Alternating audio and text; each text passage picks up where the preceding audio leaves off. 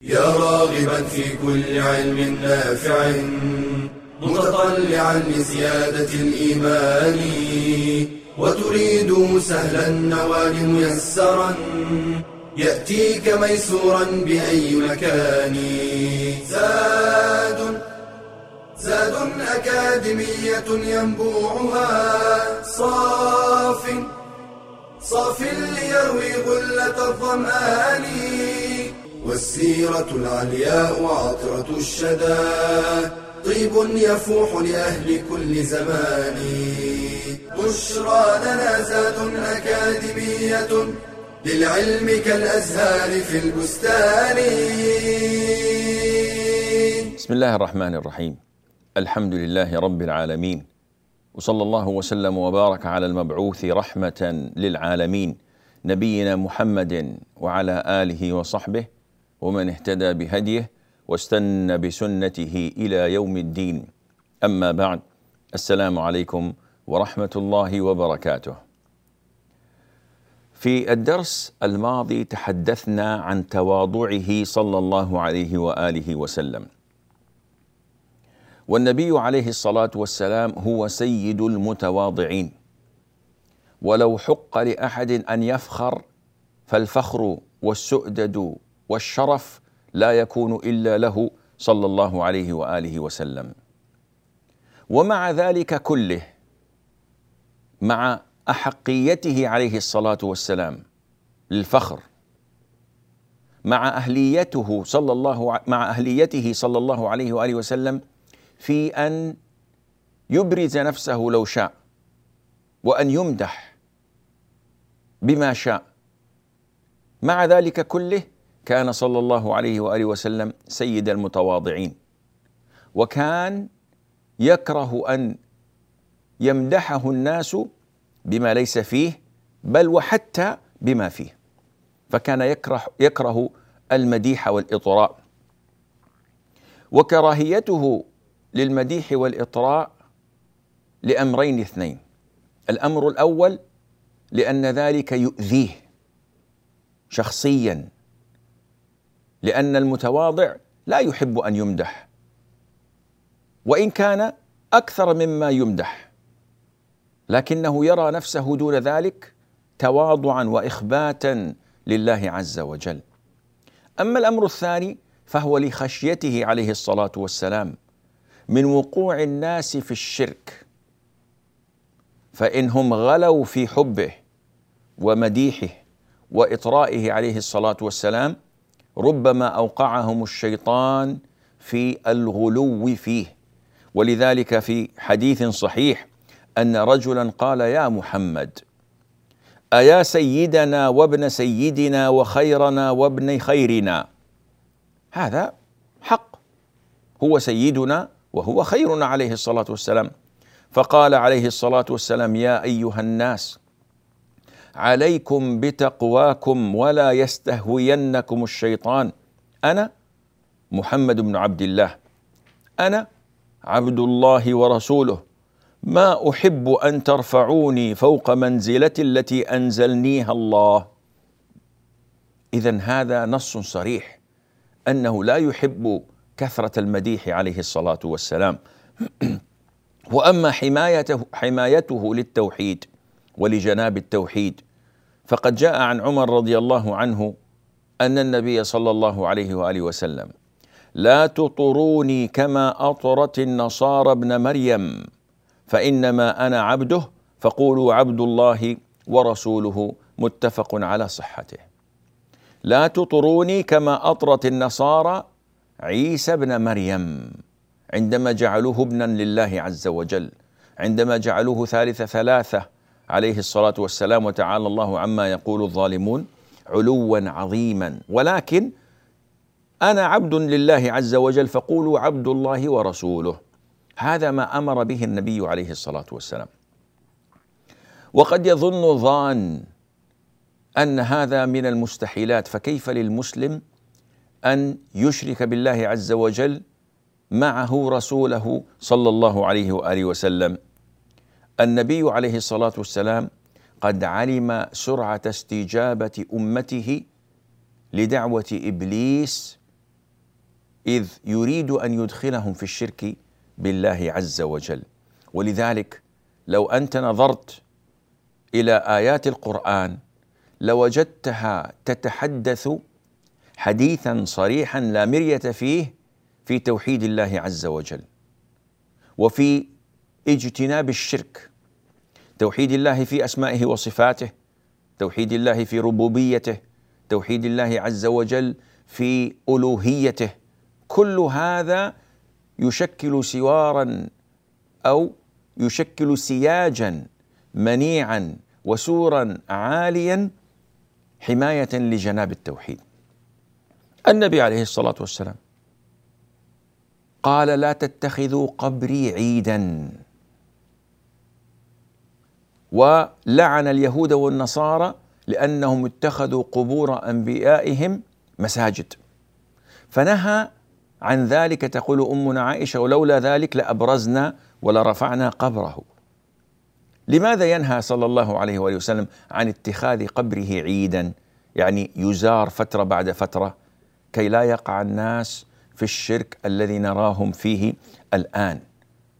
الله عز وجل يقول مطرنا الله عز وجل يقول أصبح اليوم بي مؤمن وكافر.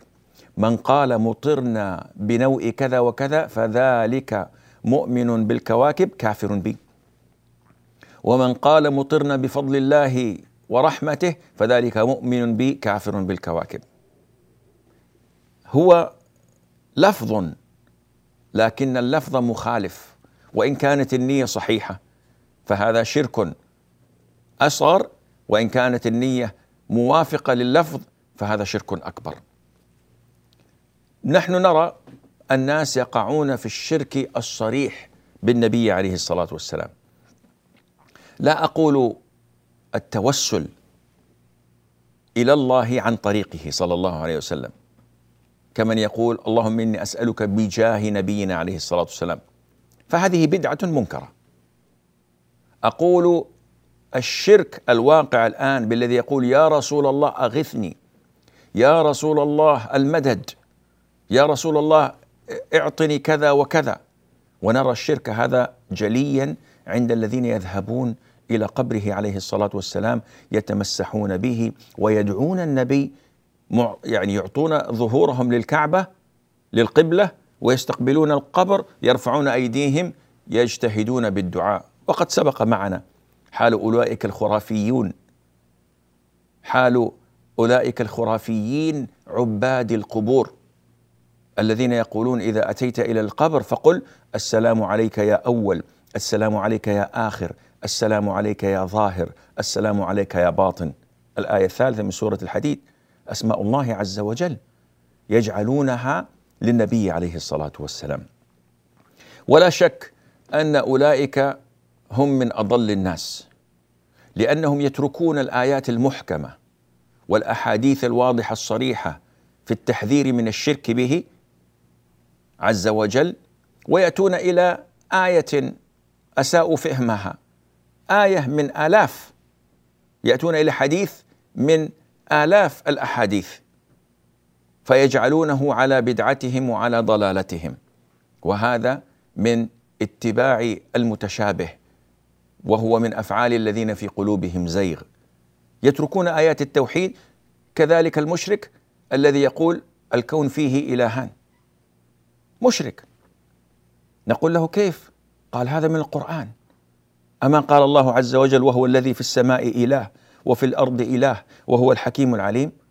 أي إنسان يعرف العربية يعلم أن معنى الآية أن الإله الذي يعبد في السماء والإله الذي يعبد في الأرض هو الله عز وجل. ما قال وهما اللذان في السماء إله وفي الأرض إله. قال وهو. لكن الذي في قلبه زيغ الضال يأتي إلى هذه الآية ويترك كل الآيات التي تحذر من الشرك أو من اتخاذ الأنداد أو عبادة أحد مع الله فيغض الطرف عنها ويتمسك بهذا. فاصل قصير وبعدها نواصل فابقوا معنا.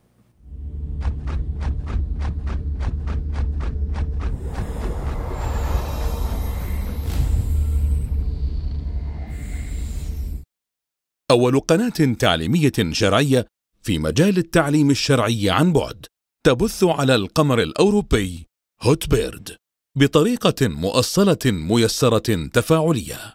قناة زاد العلمية وتقدم لمشاهديها أكاديمية زاد للعلوم الشرعية وتهدف إلى تقريب العلم الشرعي للراغبين فيه عن طريق شبكة الإنترنت وعن طريق قناة تلفزيونية فضائية قناة زاد العلمية. تأتيكم عبر الترددات التالية. الوطن العربي. عبر نايل سات. القارة الأوروبية. عبر قمر الهوت بيرد. قناة زاد العلمية. إذا أحببت أن تتعرف على دينك أكثر أن تزداد علما وتنهل خيرا أن تسمع وترى ما يقربك من ربك ويحببك في نبيك وتزكو به نفسك. في قناة زاد تجد ذلك وأكثر. تصفح وتجول في واحة إيمانية من مقاطع مميزة من إنتاج مجموعة زاد. تتنوع بين المادة العلمية والرقائق الإيمانية والفواصل الدعوية المحترفة إعلامية والمؤصلة منهجية. تخاطب الرجال والنساء الكبار والصغار تدعو البعيد وتؤنس القريب. مقاطع motion graphic مميزة دورات علمية متخصصة فواصل درامية شيقة لقاءات دعوية ممتعة برامج تلفزيونية وندوات شرعية. شاهد شارك انشر.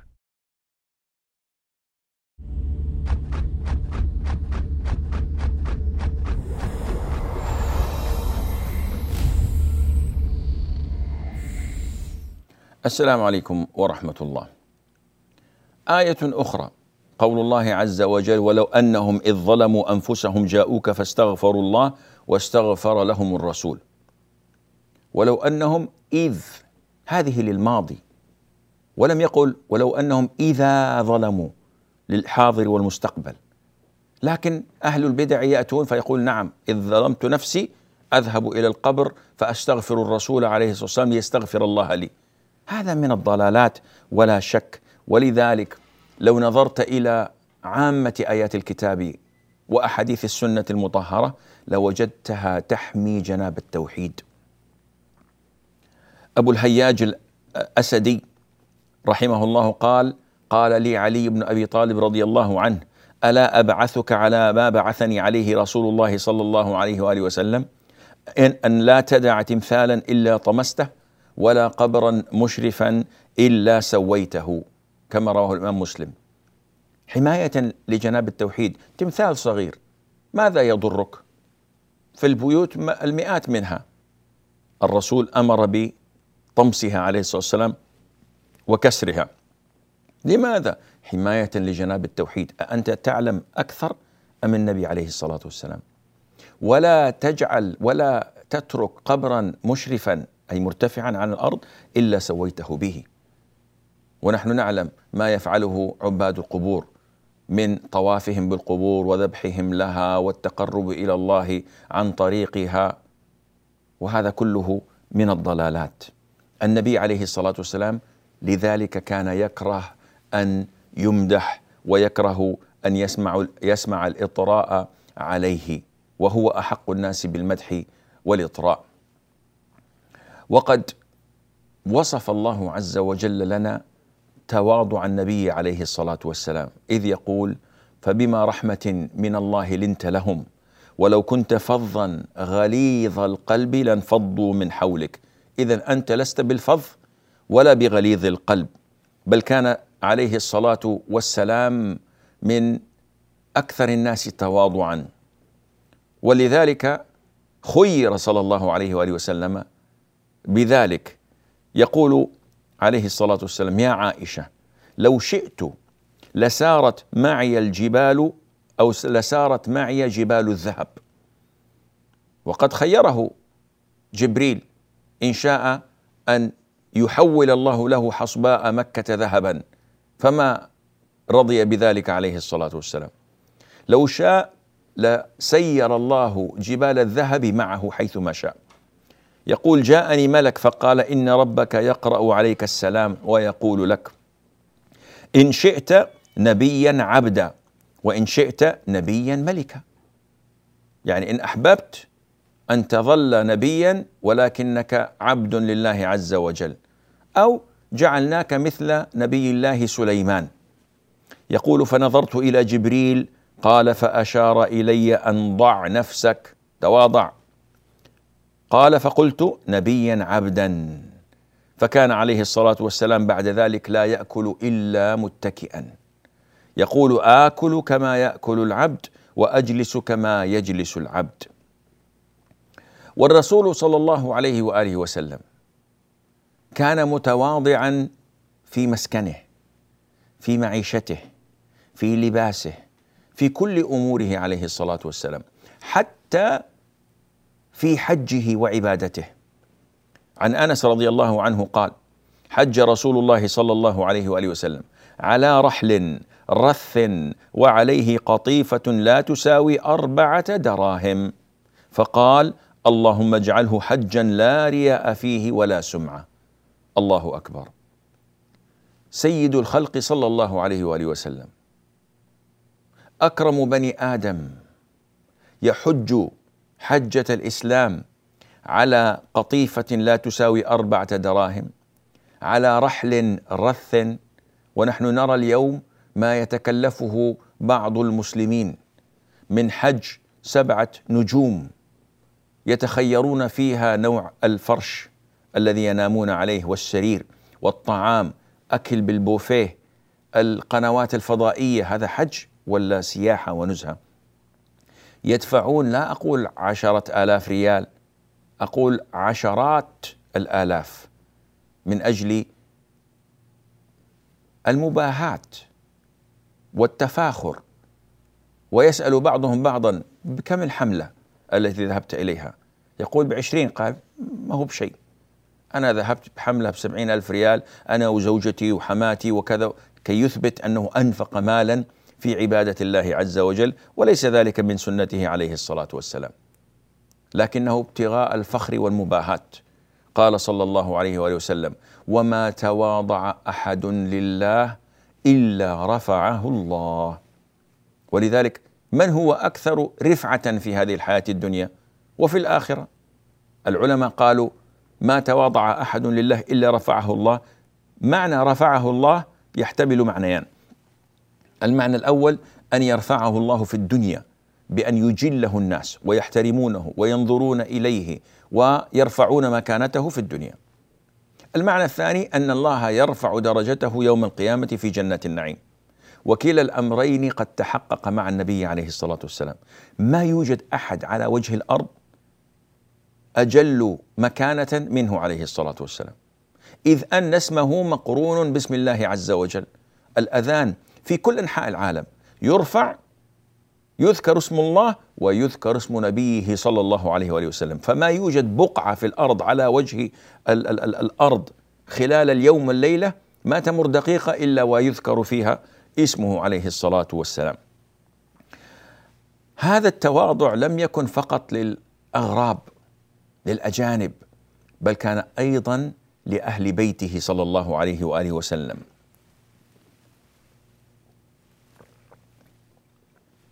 ونقصد بتواضعه لأهل بيته صلى الله عليه وآله وسلم. أنه كان لين الجانب كان سهلا لينا هينا ما كان الذي يتشدد أو يصعب الأمور أو يدخل الخوف والرهبه في البيوت. كثير من الرجال إذا كان مع أصحابه كان متبسطا ضحوكا مرحا. إذا دخل بيته إذ به يتجهم ويصبح كالوحش الكاسر. يهابه أهله تهابه زوجته يهابه أبناؤه يجدون الرهبه ولا يتكلمون معه كما يحبون. النبي ما كان كذلك عليه الصلاة والسلام.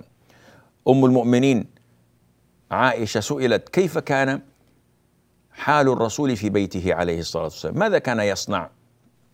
تقول يكون في خدمة أهله. فإذا حضرت الصلاة خرج إلى الصلاة. وتقول كان بشرا من البشر. ينظف ثوبه يحلب شاته ويخدم نفسه وفي رواية يخصف نعله ويفلي ثوبه. الرسول عليه الصلاة والسلام كان يعمل لنفسه. الواحد منا اليوم يجلس على أريكته فإذا هو يعني كقيصر في مملكته. احضروا لي ماء اجلبوا لي الطعام آتني بكذا. اذهب بهذا فاذهب به إلى كذا. ولا يتحرك.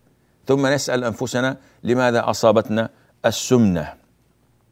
الرسول عليه الصلاة والسلام يقوم بتنظيف حاجاته بنفسه يشارك أهله في أعمال البيت يجلب الحاجات من السوق مع أنه خير الخلق أجمعين. متى آخر مرة طهيت في بيتك طعاما؟ أعنت أهلك؟ هذه أسئلة لا بد أن يسألها كل من كان متبعا لسنة النبي صلى الله عليه وآله وسلم. من تواضعه عليه الصلاة والسلام أنه كان يقبل دعوة من دعاه. فإذا دعي إلى وليمة أو إلى طعام أو إلى أي شيء أجاب مهما قلت القيمة. روى البخاري من حديث أبي هريرة رضي الله عنه عن النبي عليه الصلاة والسلام أنه قال: لو دعيت إلى ذراع أو كراع لأجبت ولو أهدي إلي ذراع أو كراع لقبلت، الكراع هو أطراف القدمين واليدين، والذراع الكتف ونحو ذلك، فحتى تلك العظمة التي غالبا لا يوجد فيها شيء من اللحم، لكن ربما تسلق في ماء وربما يوجد شيء من ما يمكن أن يؤكل منها. على حقارتها الرسول لتواضعه عليه الصلاة والسلام ولكرم نفسه قال لو دعيت إلى كراع لاجبت بل انس يخبرنا وقد تقدم أنه صلى الله عليه وآله وسلم كان ربما يدعى إلى خبز الشعير وإلى إهالة سنخة إهالة سنخة والإهالة هو السمن المتجمد السنخ الذي تغيرت رائحته وأصبح طعمه كريها. لكن عند الفقر والحاجة الناس مضطرون يأكلون. فالرسول إذا دعي عليه الصلاة والسلام إلى مثل هذا الأمر الذي نحن نراه حقيرا ولا يصلح كان يجيب. كم من الناس اليوم من يدعى إلى طعام فإذا وضع أمامه رز ودجاج تذمر. قال هذا مو من مكانتي أنا مكانتي أن تذبح لي شاة. أن تذبح لي قعود أن كذا. سبحان الله هذا التذمر وهذا الاعتراض ليس من شيم الكرام ولا من أخلاق المتواضعين. فاصل قصير وبعدها نواصل. فابقوا معنا بإذن الله.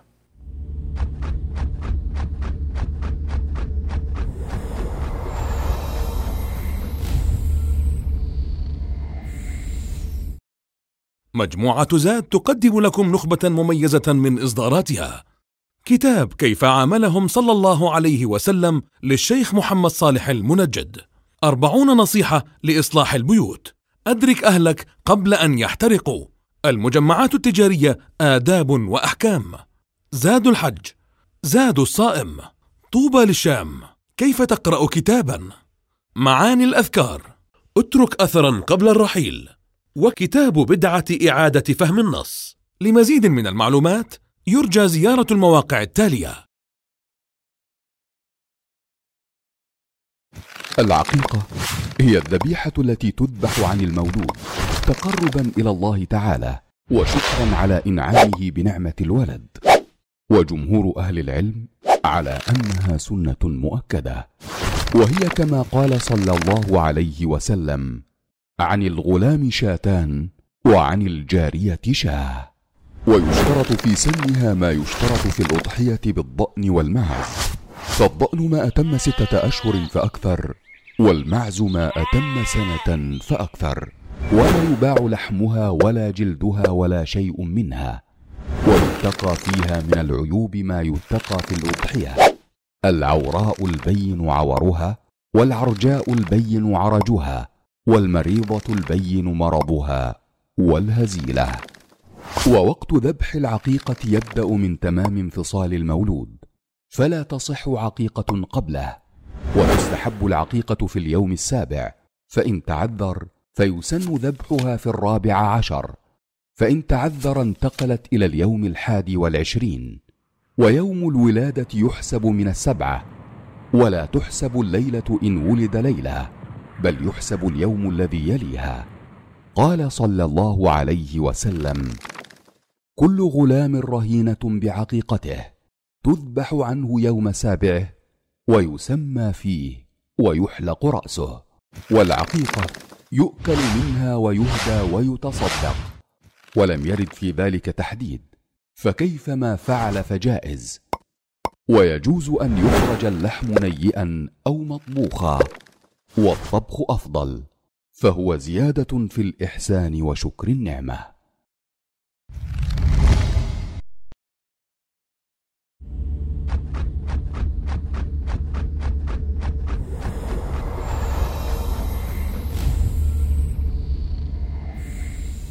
السلام عليكم ورحمة الله وبركاته.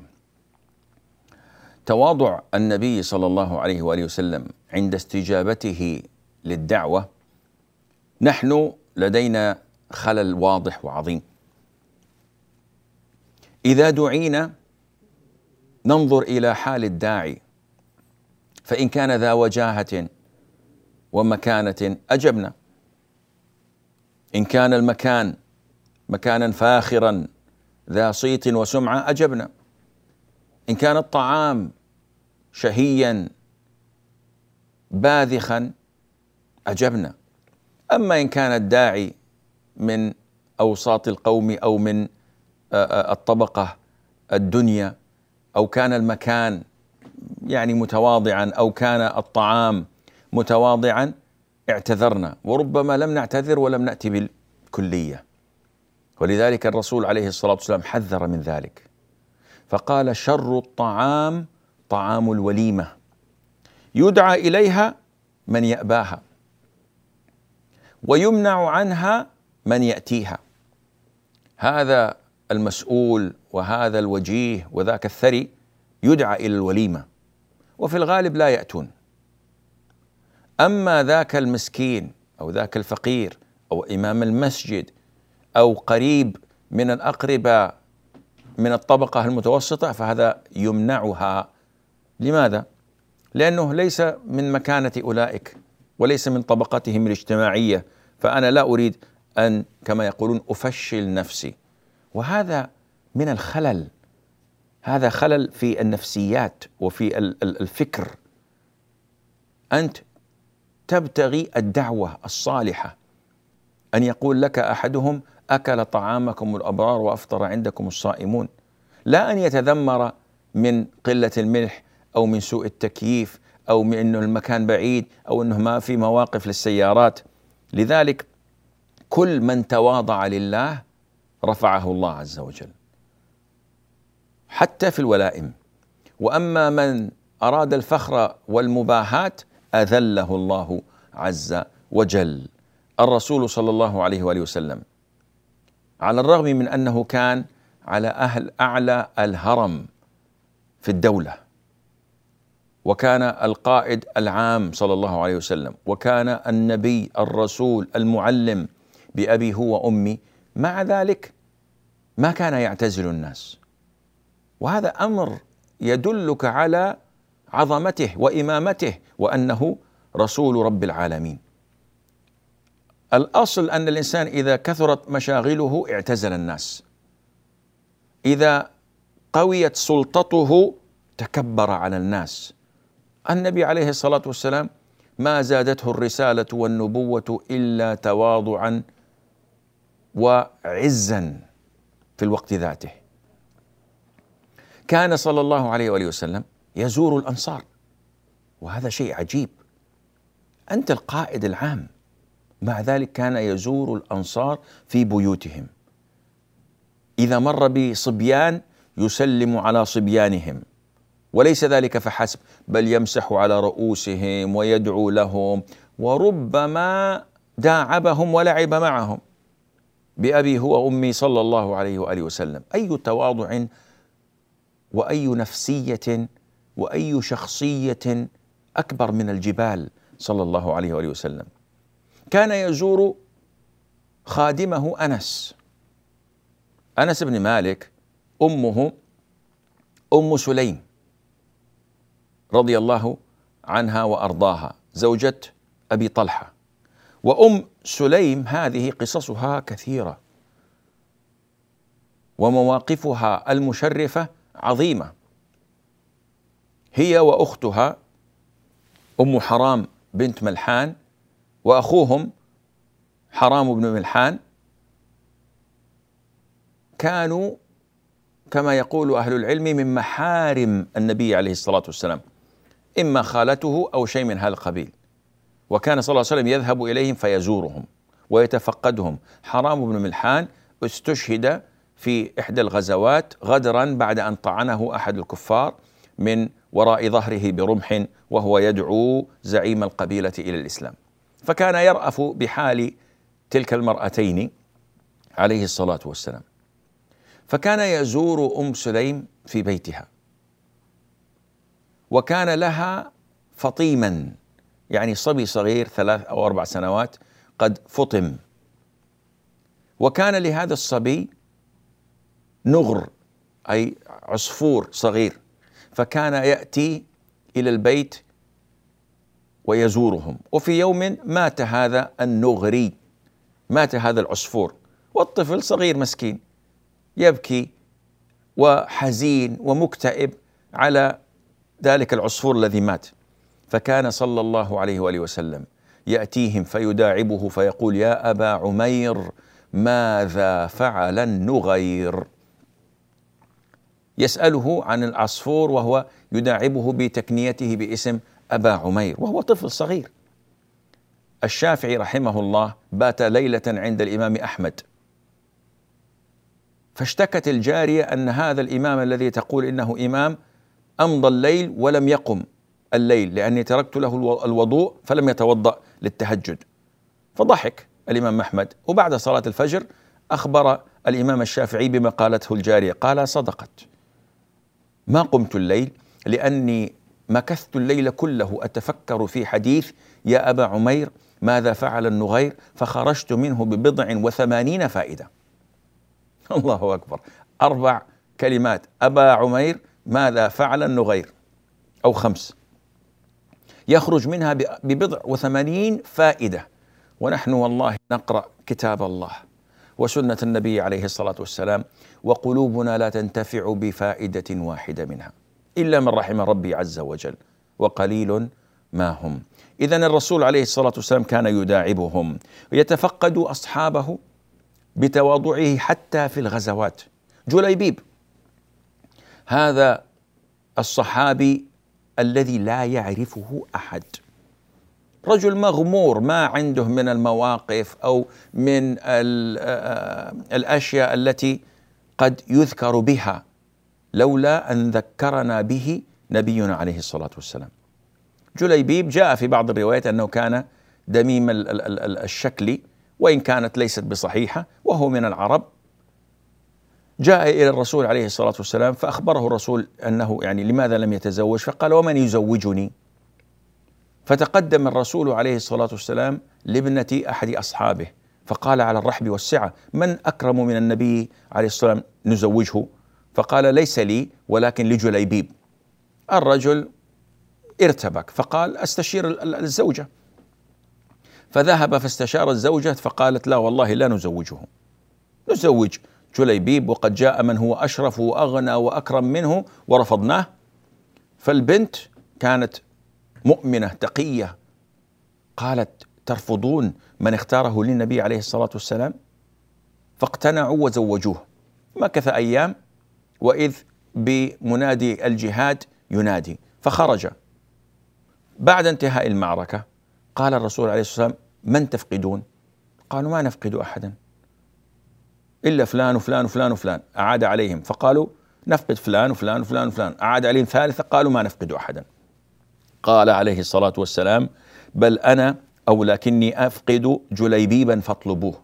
بحثوا عنه في قتل المسلمين فوجدوه شهيدا إلى جانب سبعة من الكفار قتلهم ثم مات واستشهد عليه رضوان الله. فقال صلى الله عليه وآله وسلم قتل سبعة ثم قتلوه هذا مني وأنا منه. هذا مني وأنا منه. من هو جليبيب ما يعرفه أحد. لكن انظر إلى تواضع الرسول عليه الصلاة والسلام في تفقده أصحابه حتى من لا يعرفه أحد منهم. يقول الراوي فوضعه على ساعديه صلى الله عليه وآله وسلم أي حمله صلى الله عليه وآله وسلم. ليس له إلا ساعدا النبي عليه الصلاة والسلام فحفر له ووضع في قبره النبي الذي وضعه في قبره عليه الصلاة والسلام. هذا ينبيك ويخبرك عن تواضعه وعن مكانته صلى الله عليه وآله وسلم وعن إخباته لربه أنه يفعل هذه الأفعال وهو غني عن فعلها. لو شاء لأمر ولا أطاعه الناس لكنه أراد أن يظهر لنا مكانة هذا الصحابي الجليل بوضعه له في قبره. أسأل الله عز وجل أن يجمعنا وإياكم بهم في جنات النعيم. هذا والله أعلم ونسبة العلم إليه أسلم. وصلى الله وسلم وبارك على نبينا محمد وعلى آله وصحبه أجمعين. يا راغبا في كل علم نافع متطلعا لزيادة الإيمان. وتريد سهلا النوال ميسرا يأتيك ميسورا بأي مكان.